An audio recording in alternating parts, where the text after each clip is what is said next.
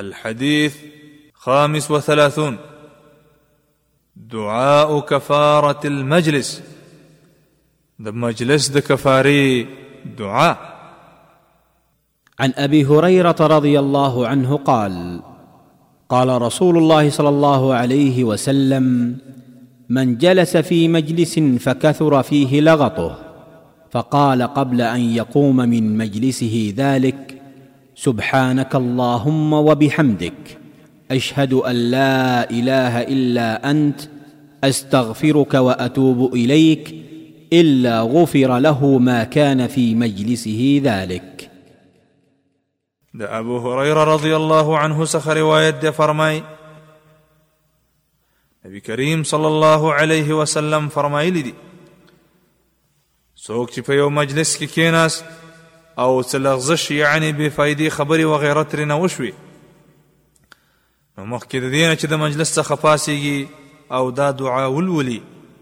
سبحانك اللهم وبحمدك اشهد ان لا اله الا انت استغفرك واتوب اليك ای زمونږ رب ته په یادوم أو رستاینه کوم أو اقرار أو گواهی کوم چې ستانه سوا بل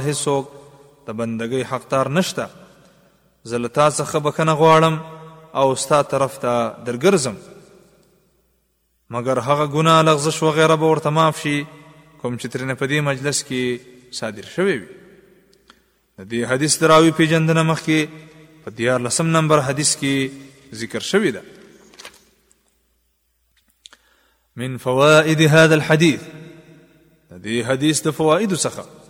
اول مسلمان بنده باید په هر وخت کې د الله تعالی ذکر وکړي او خپل ژوند د الله تعالی په ذکر باندې روښانه کړي.